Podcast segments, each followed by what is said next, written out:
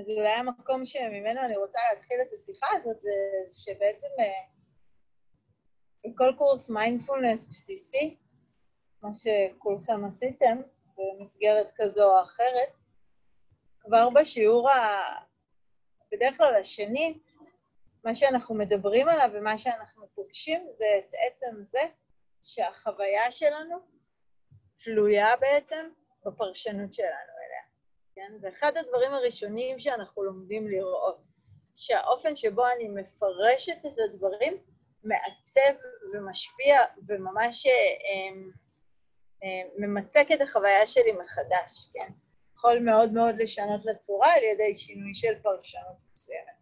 זה משהו שאומרים ממש ממש בהתחלה, אז, אז, אז במידה מסוימת זה אמור להישמע כמו משהו שהוא די uh, פשוט, כי אני מלמדים את זה כל כך uh, בהתחלה.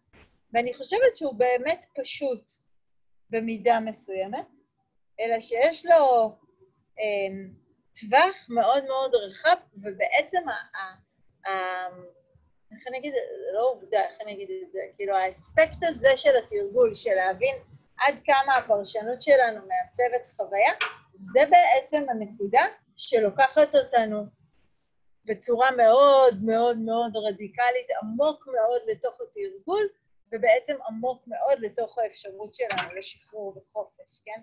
ככל שאני אה, עובדת יותר עם התובנה הזו, כן? שהחוויה שלי למעשה מורכבת מהאופן שבו אני תופסת את הדברים, יש לי יותר ויותר אפשרות להשפיע עליה. ואם בהתחלה פשוט היינו עוסקים בלהבין את זה, ולזהות, לראות שמה שעלה עכשיו והופיע עכשיו זה עלבון, ולכן אני מעצבת את החוויה באופן שבו אנשים כנראה לא אכפת להם והם לא רגישים אליי והם לא מתחשבים מספיק. ואם מה שהופיע עכשיו זה דאגה, אני מעצבת את החוויה באופן שהיא לא בטוחה ושאני לא מוגנת בה, כן? או שמישהו אחר לא מוגן בה. ואם מה שעלה עכשיו זה אה, אה, התאהבות, אז אני מעצבת את החוויה באופן שבו האדם שעומד מולי הוא כלי לשלמות, כן? והיופי, כן? אני מעצבת את החוויה, אני מעצבת את הגירוי, אני מעצבת את מה שעולה ומופיע על ידי הפרשנות שאני נותנת לו. ומה שלאט לאט במפגשים האחרונים ניסינו לקחת את זה עוד, זה להבין שאם כך, אני יכולה להתחיל לעצב חוויות בצורה המיטיבה ביותר שאני מכירה. אני יכולה ללמוד אופני התבוננות מסוימים? שיאפשרו לי להביט בחוויה באופן שיוליד בה משהו הרבה יותר מיטיב, משהו שהרבה יותר תומך בחופש, או ברווחה, או ב-well-being שלי, או בשחרור שלי ברגע מסוים, כן?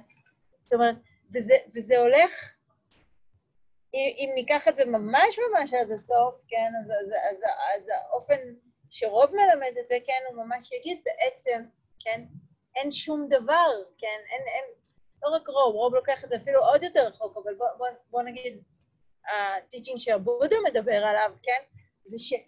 כל חוויה, כן, היא מותנית במשהו, כן? אין שום דבר שיש לו ממש קיום עצמאי משל עצמו. הוא תמיד מותנה באופן התבוננות שלי, הוא תמיד מותנה באופן שאני תופסת את זה, הוא תמיד מותנה באופן שבו אני מעצבת את זה, כן? ולכן מידת ההשפעה שיש לי על החוויה היא כל כך כל כך גדולה, הרבה יותר גדולה ממה שנוח לנו לחשוב. נוח לנו וקל לנו יותר להאמין שיש דברים שככה הם, כן? להאמין דברים שיש, להאמין שיש דברים ש, שיש להם איזה קיום עצמאי, שהם בהכרח סבל, שהם בהכרח יופי, שהם בהכרח כעס, או שהם בהכרח דבר כזה או אחר, כן? ומה שהתרגול הזה בעצם בא ואומר לנו שאין אף לא דבר אחד כזה, כן? גם הדברים הכי מוחלטים, כן, שנדמה לנו שהם מוחלטים במורכבותם, או בקושי שלהם, כן, או בכאב שהם מחזיקים בהם, כן, בסופו של דבר הם נתונים לעיצוב שלנו, לסוג המפגש שלנו. וראינו איך ממש כל חוויה שאנחנו לוקחים, כשאנחנו שמים אותה באקלים מסוים, היא מתעצבת ומתמצקת בצורה מסוימת, וכשאנחנו שמים אותה באקלים אחר, היא מתמצקת ומתעצבת בצורה לגמרי שונה, כן? זאת אומרת, זה, זה, זה, זה הולך עד הסוף, כן? עד החופש המוחלט, עד השחרור המוחלט. הכל מותנה במשהו. ומה שלנו נשאר לעשות במסגרת התרגול, זה להתחיל לראות את התנועה הזו של ההתהוות המותנית, כן? אני מרגישה עכשיו כמו שאני מרגישה, כי התניתי את החוויה שלי במשהו, כן?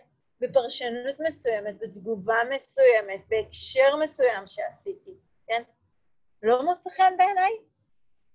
אני יכולה לשנות את השרשרת, כן? אני יכולה לשנות את, את ההתניה שיצרתי. אני יכולה ליצור איזושהי התהוות מותנית חדשה, משחררת יותר, מיטיבה יותר, כן? זה לא רק ש... אמ, דאגה מתנה מצב שבו אני רואה שחורות.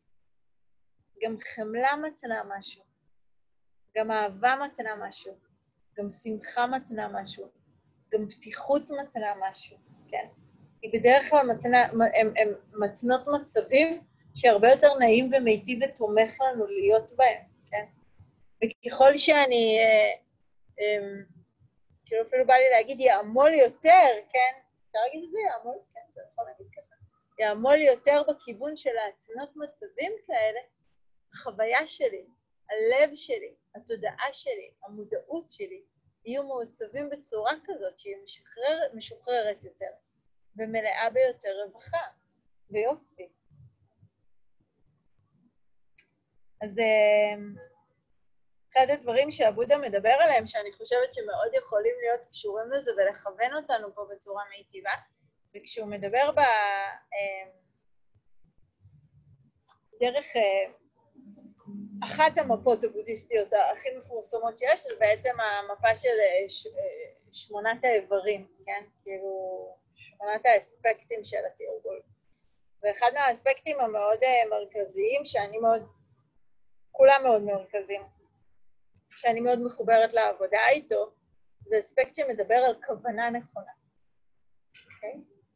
ואני תכף אגיד מה זו כוונה נכונה, כן? ולמה זה כל כך משמעותי לנו. אבל אני רוצה קודם כל להגיד על משהו על למה היא משמעותית לנו, מה קורה לנו, כן, כשאנחנו ניגשים לאיזושהי סיטואציה. מה קורה לנו כשאנחנו פוגשים את החוויה הזאת שאנחנו מבנים, כן? מה קורה לנו כשאנחנו מגיעים לעבודה? מה קורה לנו כשאנחנו נפגשים עם הבני זוג שלנו? הרבה פעמים אנחנו באים עם הלך רוח מסוים, כן? והרבה פעמים באינטראקציות במערכות יחסים אנחנו מרגישים את זה. אנחנו באים עם איזושהי מטרה לעשות איזושהי שיחה מסוימת, או להעביר איזשהו ערב אה, באנרגיה מסוימת, כן, אנחנו באים עם איזושהי כוונה, ולפעמים לוקח 30 שניות, ושום דבר מהכוונה הזאת לא נשאר, ומשהו לגמרי אחר השתלט על החוויה שלנו, כן? השתלט על מה שקורה. הדבר האחר הזה שהשתלט, בדרך כלל מורכב והדפוסים המנטליים האוטומטיים שלנו, שדיברנו עליהם הרבה בקורס הראשון שעשינו, כן? מהנטייה הזאת שחזרנו עליה כל כך הרבה פעמים לדאגה, לחרדה, לעלבון, כן? נגיד עלבון זו דוגמה נורא טובה. אני באה מתוך איזושהי, מת, מתכוננת לאיזו שיחה עם, עם, עם בן זוג או עם אימא או עם אח או whatever, כן? ואני מתכוננת לבוא מתוך מקום של באמת לשתף ובאמת להגיד את מה שיש לי על הלב ובאמת להביא את עצמי, כן? ובשנייה הראשונה ככה, או שנייה של השיחה, כזה נדמה לי שלא לא קלטו אותי בדיוק, כן? לא היו רגישים בדיוק למצב שבו באתי. בתוך שבריר שנייה, כל הכוונה של הפתיחות והאפשור והשיתוף והתקשורת שהיו לי שם, כן? נזרקים לטובת אותו דפוס כל כך מוכר ובטוח וחזק ועוצמתי של העלבון, כן? והופ, נשלפתי, כן? נשלפתי מהדבר הזה, שכאילו ממש כזה, כמו כזה, כמו קצת ילדים, כן? נכון? ילדים, נורא קל להסיח אותם, הם כזה הולכים כזה לשחק במשהו אחד, ואז הם כזה רואים משהו אחר, והם כזה זורקים את הדבר הזה ועוברים לדבר הזה, כן? או כמו הכלב שלי, שכזה אנחנו מחליטים יחד שאנחנו הולכים לטיול, וזה כהחלטה משותפת. לא, הוא תמיד בא לו, אבל אז הוא רואה אוכל. ואז הוא פשוט אין, אין אני, אין, אין אותי, אין אותי, כאילו ברגע, וזה לא אכפת לו אם אני מחזיקה את הרצועה, וזה לא אכפת לו אם הוא יעיף אותי, וזה לא אכפת, כאילו, משהו אחר הסיט אותו, והדבר הזה, יש לי חברה שהיא עם הרבה יותר חמלה אליו מאליי בנושא הזה, והיא אומרת, הוא פשוט, הוא רואה את האוכל, והוא לא יכול לעמוד בזה, כאילו באמת רואים לו על הפנים שהוא לא יכול לעמוד בזה, הוא כל כך מתרגש מהבגט מלא העובש הזה שהוא גילה על הרצפה, שכאילו, אז מה אם יש פה מישהי שמחזיקה את הרצועה ואתה פורק לה את הכתף עכשיו, כן? כאילו, אבל, אבל אנחנו אותו דבר, נכון? תחשבו לרגע על הדימוי הזה, עליו זה מלא בחן, בצחוק כשאנחנו חושבים על זה, וזה אותו דבר. אני עומדת מול מישהו, ופתאום אני רואה את ההזדמנות הזאת לעלבון, כן? והיא קוסמת לי, כן? היא חזקה, היא מושכת אותי, מושכת אותי נורא נורא חזק.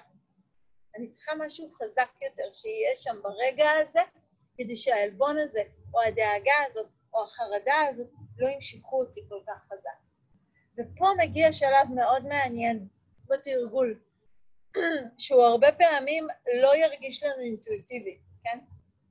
מגיע פה רגע שאני במידה מסוימת מבקשת מכם, כאילו, מזמינה אתכם לנסות, כן?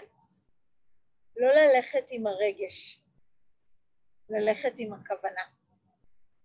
הרגש, הרגש הזמין ביותר, הנגיש ביותר, העוצמתי ביותר, לא תמיד הראשון, יכול להיות שהייתה שבריר שנייה של משהו ראשון אחר, אבל זה שיבוא וישתלט על החוויה, יהיה בדרך כלל מורכב מהדפוס המנטלי האוטומטי והחזק ביותר, וזה שאנחנו מתרגלים הרבה יותר, כן? ולכן הרבה פעמים הרגש החזק ביותר יהיה עלבון. הוא יהיה כעס, הוא יהיה דאגה, כן? והוא לא יהיה קשור, כן? לכוונה שאיתה אני מופיעה, כן? והרבה מאוד פעמים ברגע נתון, מה שאני מרגישה עכשיו זה שאני רוצה לכעוס. אבל מה שהלב שלי רצה לבוא איתו זה לדבר ולהיפתח ולאפשר ולהקשיב ולהיות נוכחת, כן? להיות עם הדברים, כן? פשוט להיות עם הדברים לרגע, כן? להיות עם הדברים ולבחור את האופן שבו אני רוצה לעצב אותם, ויכול להיות שאני באתי עם כוונה אחרת, והכעס משתלט. אז אני רוצה לדבר על שלושת האספקטים האלה של כוונה נכונה ולראות כיצד הם יכולים לעזור לנו, כן, ברגע מסוים להמשיך עם משהו, כן? אבל הנקודה הזאת של הרגש היא משמעותית, אז תחזיקו את הרגע ונחזור אליה תכף אחרי שנדבר ונראה אם זה יהיה בהיר יותר, כן. האספקט הראשון של כוונה נכונה שהוא מדבר עליה, זה אחת המילים שאני תמיד קוראת להם מילה שהיא לא סקסית, כן? ויתור, או באנגלית renunciation? לא יודעת אם זה בגלל שזה באנגלית renunciation נשמע לי יותר קל, אבל לא, לא קל לביצוע, אבל כאילו הוא, לא, הוא יורד לי יותר טוב בגרון, כן? וויתור הרבה פעמים מעלה לנו את הקונוטציה הזאת של משהו שלוקחים לי, משהו שאני רוצה, כן? והוא חסר לי עכשיו בזה שלוקחים לי אותו, כן? כשאנחנו מדברים על ויתור, כן, בסוג התרגול הזה, אנחנו בעצם מדברים על ויתור של כל מה שאינו מיטיב. הוויתור על כל מה שהוא לא מועיל יותר, כן? הרבה פעמים הוויתור יהיה על משהו שמאוד בא לי באותו רגע, כן? בא לי לכעוס, בא לי להשתגע, כן? בא לי להתקשר שלושים פעם כי אני דואגת ואני רוצה לדעת עכשיו מה קרה, כן? בא לי, אה, אה, לא יודעת מה, כן? בא לי אה, לשתות, או בא לי לעשן, או בא לי? בא לי ללכת עם היצר הזה, עם הדחף הזה שעלה, כן? ופה אני רוצה להציף את השאלה, אמרתי שהרבה פעמים התרגול הוא, הוא אני לא זוכרת את מי רוב מצטט שהוא אומר את זה, אבל ש, שהתרגול הוא בעצם לדעת לשאול את השאלות הנכונות, כן? תרגול של שאלות. אז ברגע הזה שאני מרגישה את היצר הזה ואת הדחף הזה, ופה יש המון תחושה של רגש, כן? ללכת עם משהו. האם זה מיטיב? האם זה מועיל? כן? האם זה תומך? ולשמוע את הקול הזה שצועק מבפנים, כן. ולשאול אותו, רגע, רגע, לא הבנת את השאלה. לא שאלתי אם זה מה שבא לך. שאלתי האם זה מיטיב. עכשיו, תראו, הרבה פעמים אני אגיד, לא, אבל בא לי. והאוטומט ינצח. אבל עצם הצפת השאלה היא אימון של להתחיל לערער על האוטומט הכל כך חזק הזה. אני כבר לא נותנת לו את הבלעדיות של הכוח הזה, כן? אני אומרת לו, אוקיי, אתה כאן, אבל, אבל גם אני מתחילה לשאול פה שאלות, גם אני מתחילה להטיל פה ספק ב... אמ, איך אני אגיד את זה, כאילו, ב... אה, איך אומרים את זה שיש... אה, אוף, ברחה לי המילה. לא משנה. בלעדיות, כן? זה, זה, זה לא הבלעדיות כבר של הדפוס הזה, כן? אז, אז הוויתור הזה, כן, לראות, ולפעמים זה נורא כואב, כן? לפעמים הוויתור הזה, מדובר על ויתור, על חלקים שהם חלק מאוד מאוד מהותי מהזהות שלנו, כן? זאת אני הכועסת, זאת אני המתעצבנת, זאת אני החרדה, אני לא יודעת להיות משהו אחר, כן? ובשביל זה אני תכף אדבר על שני האספקטים הבאים, כן? אבל בתור התחלה, ההסכמה הזאת לוותר על מה שלא מועיל לי יותר. גם אם הוא כל מה שהייתי רגילה אליו כל החיים. גם אם הוא כל מה שלימדו אותי או שמעתי, כן? היכולת הזאת היא להגיע לרגע מסוים ולהגיד פשוט לא. אני לא הולכת עם זה יותר. היא לא נכנעת לזה יותר, כן? והיא לא משתפת עם זה יותר פעולה. זה לא אמירת לא שהיא אלימה, זו אמירת לא שהיא נורא חכמה. יש בה המון תבונה. תבונה שכבר יודעת כל כך כל כך טוב מה קורה לי כשאני הולכת לשם. מה קורה כשאני מתחילה להיכנס ללופ הזה של הדאגה, של החרדה, של הכאב, של, לא כאב, כן, של הכעס, של העצבים, כן, של העלבון. אני יודעת לאן זה מוביל. זה לא מוביל למקום מיטיב. יש לי את היכולת לעמוד מול זה ולהגיד, לא, לא מה שבאתי לעשות כאן, זה לא מה שאני רוצה להמשיך לשתף איתו פעולה, כן? The wisdom of no, כן? לדעת מתי להגיד את הלא הזה, ויש בו אסרטיביות, הוא לא אלים, אבל אנחנו יודעות טוב שאם מדובר בדפוסים מאוד מאוד עקשנים, דרושה המון המון אסרטיביות שם, כן? ונחישות. לפעמים רגע אחרי רגע אחרי רגע, כי אני אומרת לא, והוא יורד, אחרי שנייה הוא שוב עולה, ואני שוב אומרת לא, והוא יורד והוא שוב עולה, ואני... כל רגע שהוא הופיע. לחי... בטח שזה עבודה, כן? בוודאי שזה עבודה, כן? פשוט מעדיפה את המילה תרגול מעבודה, כן? פשוט לי אין בעיה עם המילה עבודה, היא לא עושה לי קונוטציה לא טובה, אבל לרובנו היא כן. היא מעייפת, היא מתישה, כן? אנחנו מתרגלים פה את המיטיב. וכדי לתרגל את המיטיב, שזה שני האספקטים הבאים, אני צריכה להסכים, ממש להסכים, לוותר על הלא מיטיב. ועכשיו אני רוצה שתנסו לדמיין לרגע משהו, כן? כאילו, אם אני כל הזמן החזקתי את הדבר הזה, כן? את, את, את המוט הזה, או לא משנה, החזקתי משהו ביד כל כך כל כך חזק, כן? החזקתי את האני החרדתית הזאת, או החזקתי את האני הכועסת, או החזקתי את הרעיון הזה על מה אני אמורה להיות ואיך אני אמורה להצליח בחיים, כן? והבנתי שזה לא מיטיב? רק כשהסכמתי לעשות את התנועה הזאת שנפתחת, עזבו, אני אפילו עוד לא מדברת על שומטת לגמרי, כן? אבל האגרוף נפתח, כן? ברגע הזה שהאגרוף נפתח, כן?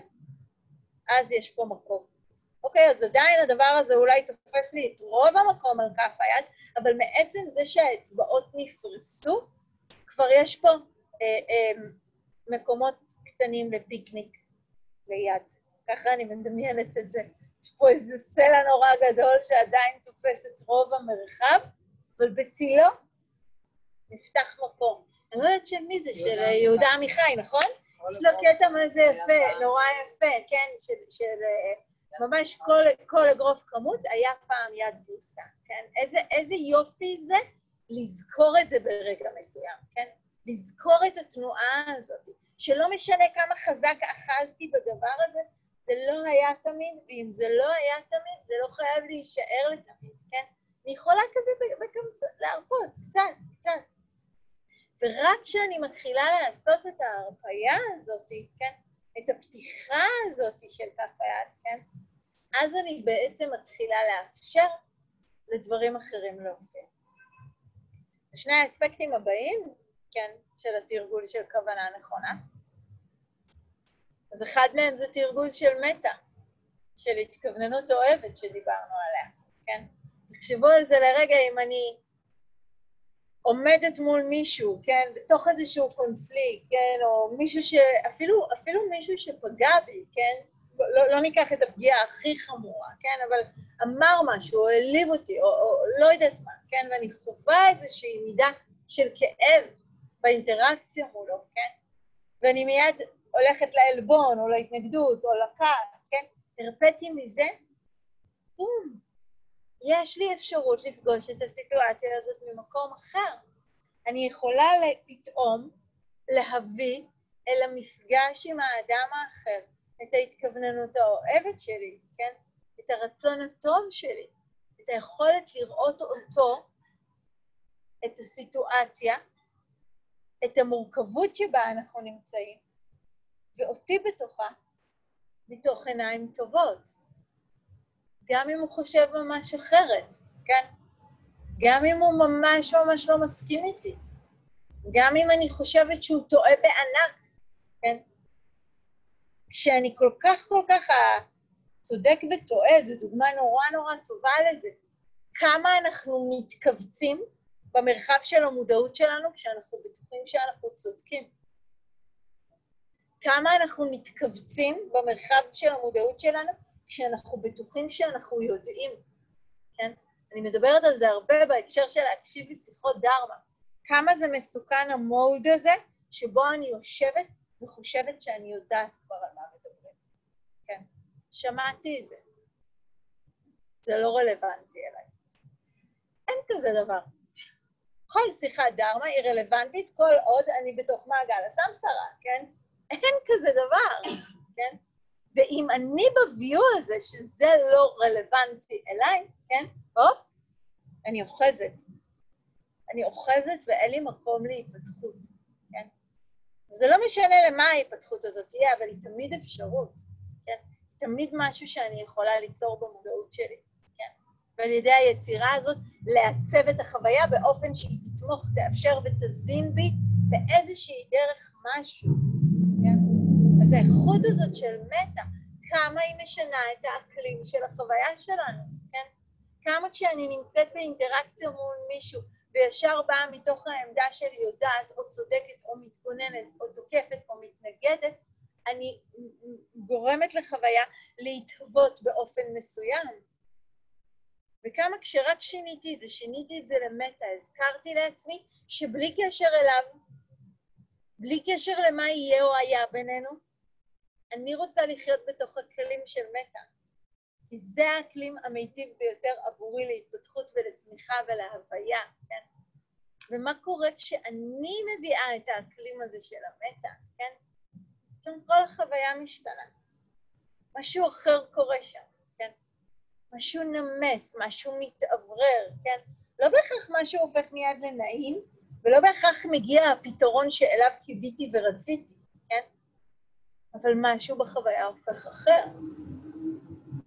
האם אני יכולה לזכור שהכוונה האמיתית של הלב שלי, במידה ואני רוצה שהיא תהיה הכוונה האמיתית של הלב שלי, היא מתה ולא עלבון? היא מתה ולא דאגה? היא מתה ולא כעס? לא כי זה צודק או הגיוני או נכון, כי זה הדבר החשוב ביותר עבורי כרגע, כן? זאת דרך שבה אולי, כן, בחרתי לחיות. או אולי בחרתי לחיות זה כאילו נשמע מוגזם כרגע, בחרתי לבדוק. כן? אתם עושים, הרבה פעמים אני קוראת לזה הניסוי של הלב, תעשו ניסוי, כן? תבחרו בזה, לשבוע, לשבועיים, כן?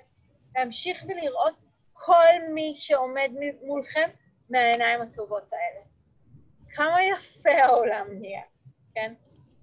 כמה עשיר הוא, כן? כמה מתאפשר פתאום בחוויה, כן? כמה, כמה אני נפתחת לתוכה, כן? כמה קל, כן? כמה קל, ואני אומרת את זה בימים האלה מתוך באמת כאב מאוד גדול, כמה קל לעמוד במחאות ובהפגנות האלה ולשנוא. כמה קל לשנוא את השוטרים, כן? הם ככה סופגים את המרכז הזה של השנאה. זה כל כך קשה שלא, כן? זה, זה, זה כל כך קשה שלא. אבל כמה כוח אני יכולה להשקיע בבחירה הזאת להישאר נאמנה, להביט גם בהם בעיניים טובות. לראות את המורכבות הכל כך גדולה של הסיטואציה שבה הם נמצאים, כן? כל כך מאתגר, כן? אבל כל כך משחרר ופותח אפשרויות, ופותח דלתות, ופותח הזדמנויות להתקרבות ולהכלה ולאפשור, כן? זה כל כך קל להצטמצם למקום הזה שמפלג, כן? ושונא, ואנחנו והם, כן? וזה כל כך מאתגר אבל מאפשר ומשחרר ליצור את הפתיחה הזאת, כן? עכשיו, יכול להיות שהדוגמה הזאת היא too much, כן? אז אל תיקחו אותה. אל תיקחו אותה אם היא too much, כן? אני שמה אותה כאופק, כן? ואני יכולה לבחור דוגמאות הרבה יותר מאתגרות, ממנה אני אשאיר זמן בסוף. תנו לי את הפלואו ואז, כן? אבל לראות, כן, שאני יכולה להתחיל את התנועה הזאת גם בתוך אספקטים מאוד מסוימים של החוויה שלי עם עצמי. כמה קל לי להיפתח ולהביט בעצמי בעיניים טובות בחלקים מסוימים שלי, שקל לי לפגוש אותם, שבהם אני נעימה לעצמי, ואני יציבה, ואני שמחה, ואני נהדרת, ואני מוצלחת, כן? וכמה אני נפתחת אל החלקים האלה, וכמה פתאום ברגע של חוסר סבלנות, כן? שפתאום מתפרץ ממני משהו ציני, שפתאום יצא הכעס, הופ, נגמרו העיניים הטובות, כן? אין אותם יותר, הם נעלמו. זה תרגול של התרחבות, כן? אני מאמנת את השריר הזה של המצמוץ הזה, של העיניים הטובות, ולאט לאט הוא יוכל לנחות על יותר חלקים בי, על יותר חלקים באחר, על יותר מהאחר הזה, על יותר אחרים, על יותר סיטואציות, על יותר מורכבויות. אל תלכו לשוטרים, כן? אולי זה, זה מהלב שלי, אני אומרת, באמת. זה התרגול שלי בימים האלה, כן? ביג טיים. אבל זה לא חייב להיות, ממש לא. יש, יש, יש אלף ואחת מקומות לתרגל את זה, כן? ברגעים הכי קטנים של היום-יום שלנו, כן? בתור לסופר. שכל כך אין לכם כוח שהקופאית עסוקה במשהו אחר, כן? ומיד הלב נסגר עליה. מה אני יודעת? מה אני יודעת כמה שעות היא עומדת שם, כן? כאילו, האם אני יכולה לפתוח, כן, זוכרים את הפתיחה הזאת של הבועה? אני כל כך מצומצמת לזה שאני ממהרת עכשיו, שאני לא חושבת אפילו על מה עובר עליה, כן? מה קורה כשאני כן? מיד הכעס שלי משתחרר. וזה, וזה, וזה מביא, כן, וזה ממש במין אה, קו שממשיך אותו כזה, כן, לאספקט השלישי של כוונה נכונה של חמלה, כן? כי אם אני אדע שהקופאית הזאת, סתם אני עכשיו ממשיכה את הדוגמה, אבל אם אני אדע שרגע לפני זה הבוס ממש צרח עליה, אם אני אדע שעד עכשיו היא הייתה שלוש שעות במחסן, לא יודעת מה עשתה, בחום מאוד גדול או בקור מאוד גדול, כן? בשנייה לא יהיה אכפת לי מהזמן שלי, נכון? פתאום משהו יתרחב, כן? שאנחנו יודעים יותר על החוויה של האחר, שאנחנו יכולים לראות את האחר מעבר לרגע המסוים הזה שבו הוא מתאפה מולנו בכעס או בזלזול, כן? פתאום יותר חלקים של החוויה שלנו יכולים להיפתח אליו, כן? יותר, יש יותר מקום לאהבה, יש יותר מקום לחמלה. רק כי ידעתי יותר, נכון? כן? לפעמים אנחנו כזה מתבאסים על חברה נורא טובה ש... היא לא דיברה איתי כבר שבוע ולא אכפת לה והיא לא מתקשרת והיא לא זה, פתאום אני מדברת איתה אחרי שבוע ומגלה שמשהו קרה לאימא שלה, שהכלב שלה היה זה, שההוא לא מתקשר אליה, וואטאבר.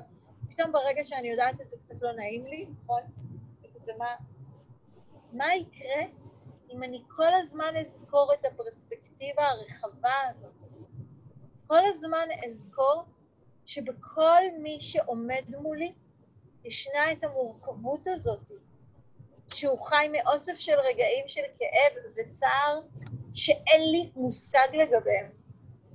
ובאותה מידה שהוא חי מאוסף של רגעים של יופי ושמחה, שגם מהם אין לי מושג, כן? ועד כמה אני יכולה להתפתח בתגובה שלי, כן?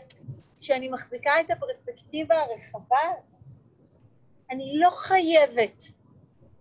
אל תיקחו את זה ישר למקומות שבהם אתם מרגישים שאי אפשר.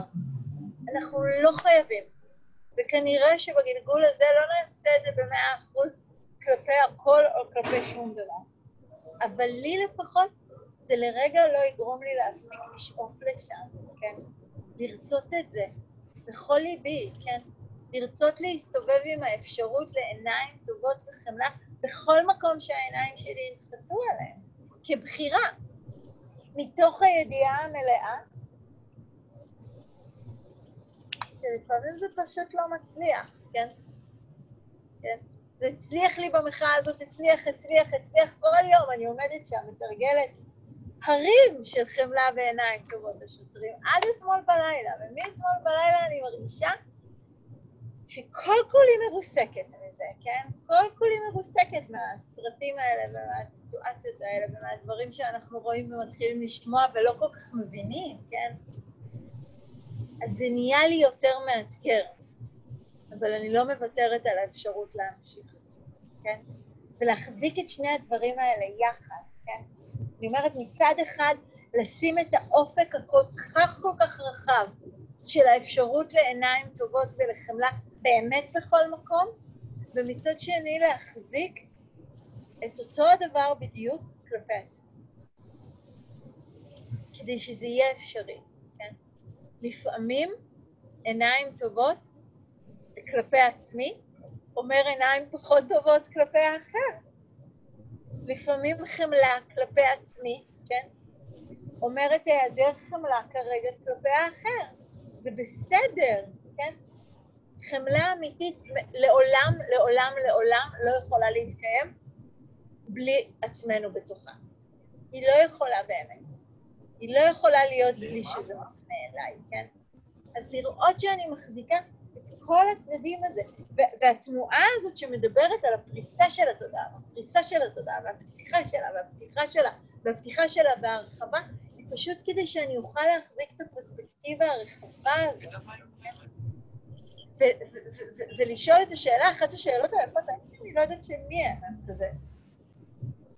כאילו פשוט שאלה שאני רגילה שהיא נמצאת שם, אבל אולי זה ציטוט שמגיע למישהו ואני לא יודעת, אז אני מתנצלת.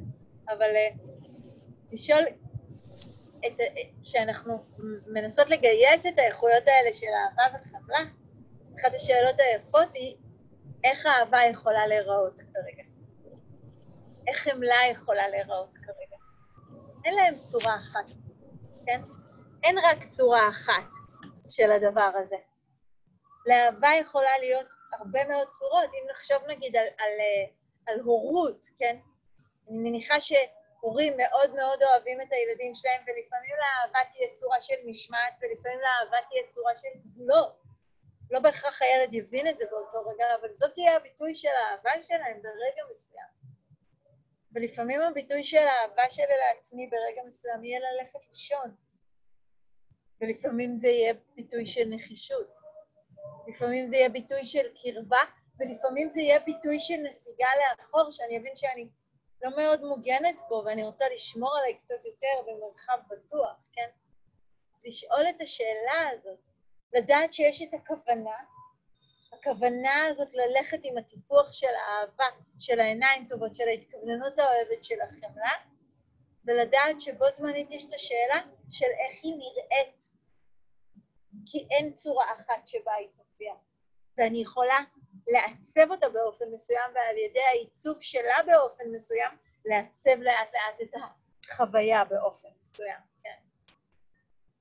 ומתוך זה, כן, מתוך שלושת האספקטים האלה, כן, הוויתור, המוכנות לשמוט את כל מה שלא מיטיב, והבחירה המלאה להישאר בנאמנות, כן, מלאה לכל מה שטוב ותומך ומיטיב. להישאר נאמנה לכוונה שלי לבוא מתוך עיניים טובות. לא להפסיק לראות אותם בעיניים טובות, גם אם הם עושים מעשים, כן? שמבחינתי הם מעשים ממש פוגעניים. יש להם את ההיסטוריה שלהם, יש להם את התנאים והנסיבות שלהם, כן? אני לא צריכה לקבל את המעשים האלה, אני לא צריכה לחיות איתם, כן? אני יכולה רק לראות את המורכבות גם של מי שעומד מולי? שמחזיק בטח המון דיסוננסים משל עצמו, שגורמים לו, לעשות כל מיני דברים. כן? רק לראות את זה. אני יכולה לא להסכים עם משהו, ועדיין להביט בו בעיניים טובות. אני יכולה לא לאהוב חלקים בעצמי ועדיין לאהוב אותי, כן? אני יכולה לדעת שיש מרחבים מנטליים שבהם אני רוצה לעבוד, כן? אבל האם אני צריכה להפסיק לאפשר את המבט המיטיב הזה על עצמי בגללם? ואז רק לדמיין, עשו ממש לרגע לדמיין. איך, איך תהיה, איך, איך תתגשם, איך תופיע חוויה מסוימת שאני ניגשת אליה מתוך הכוונה והמוכנות וההסכמה לוותר על כל מה שמיטיב בתוכה, והנאמנות המלאה לעיניים טובות וחמלה בתוכה. איך היא תתעצב ברגע מסוים? איך השיחה האחרונה שלכם עם הבן זוג או הבת זוג שלכם היו נראות אם זה מה שהיה נוכח בהם? איך היחסים עם ההורים שלכם היו נראים אם זה מה שהיה נוכח בכם? עם הילדים שלכם? התור בסופר, הפקקים, כן? everywhere, כן? זה יכול ללכת איתנו לכל מקום? ובכל רגע אני יכולה להשתמש במפה הקטנטנה הזאת, כן? אבל הכל כך גדולה, כאיזשהו מצפן. מה אני יכולה לשמוט עכשיו שהוא לא מיטיב? מה אני יכולה לטפח? מה אני רוצה לבחור להאזין? אל מה אני רוצה להיות נאמנה? גם אם, ואני חוזרת למה שאמרתי קודם באמצע השיחה, גם אם יש פה רגע של כעס נורא נורא גדול, בסדר, יש רגע של כעס גדול. אני יכולה לעשות מקום לידו, רק מקום. יכולה לעשות לידו מקום ש, ששמור, כן? כמו השמורים האלה שיש, מקום שתמיד שמור לכוונה שלי, שהיא תישאר שם כמו איזה כזה גחל כזה ש, ש, שנשאר, שנשאר להזין את האש של האופן שבו אני רוצה לפעול ולהתגשם בעולם. באיזה אופן אני רוצה. בסדר, זה נכון, זה, אפשר לכעוס על מה שהיה. זה מיטיב? זה מה שאני רוצה להמשיך להזין איתו את הפעולות שלי? או שאולי יש דרך אחרת, כן? ואל תיקחו את זה. כהנחיה. תיקחו את זה כהזמנה לחקירה. מה קורה לחוויה כשאני באופן מאוד רדיקלי נשארת נאמנה לאוסף כוונות האלה. באיזה אופן היא תתעצב? מה יתאפשר בה? מה יוכל להיות בה ברגע? בואו ניקח ממש כזה רגע אחד לפני שנפתח את זה לשאלות, שאני ממש רוצה שתשבו לרגע ואני אזמין אתכם ככה ל... לכמה הרהורים כאלו. אז תשבו לכם עם... עיניים עצומות אפשר.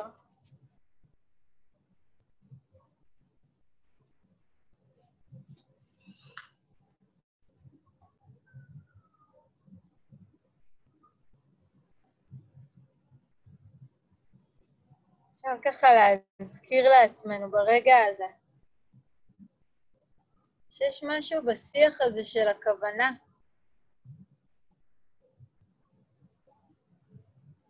שהוא הולך הרבה מעבר לסיפור, לפרטים, לאיזשהו חיפוש של אמת.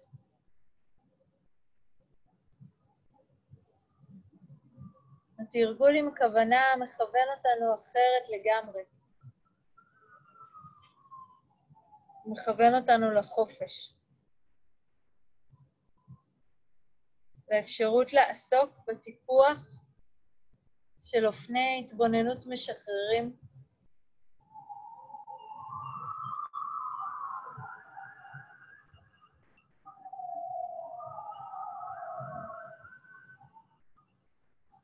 אופני התבוננות משחררים שיוכלו לאט לאט לעצב את החוויה שלנו. באופן שיגעו בה מיותר רווחה, יותר חופש.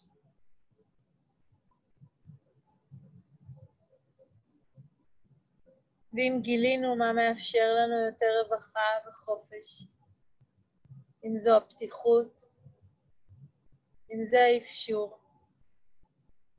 אם זו ההסכמה, העיניים הטובות, תרגול המטה או החמלה. אם זה מה שמאפשר יותר רווחה, השלב הבא הוא פשוט להתמסר. לבדוק אל מה היינו רוצים ורוצות באמת להתמסר. ואז לקחת את זה.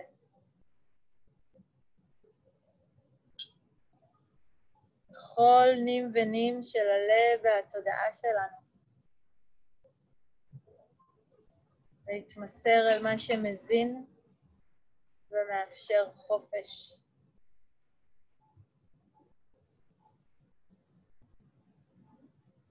לתת לחופש הזה לאפשר לנו שלווה, רווחה ונחת.